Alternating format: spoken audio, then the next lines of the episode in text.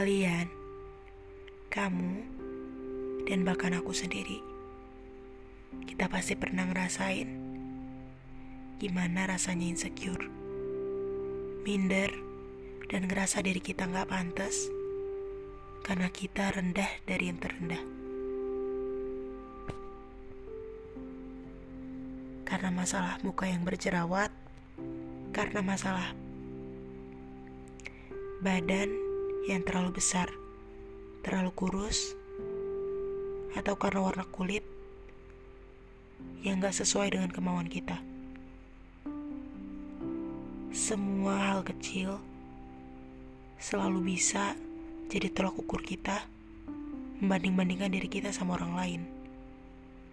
Dan di saat kita jadi insecure, minder sama orang lain, kita nggak bisa ngapa-ngapain karena kita cuma bisanya banding-bandingin diri kita sama orang lain tanpa mau ikut berjuang untuk grow up dan go up.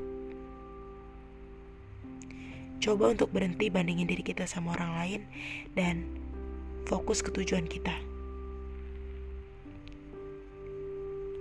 Aku tahu semua ini berat. Orang-orang bilang, kamu gak perawatan ya? Kok muka kamu kayak gitu sih? Kamu gak skincarean ya? Jerawat kamu banyak banget sih. Olahraga dikit kek, biar kurusan. Skincarean dikit kek, biar kulitnya putihan. Mereka bilang kayak gitu, padahal mereka nggak tahu kalau kita udah ngelakuin apa yang mereka suruh. Ya tapi semua itu masih gak bekerja. Semua itu bukan salah kalian. Semua itu bukan salah kita.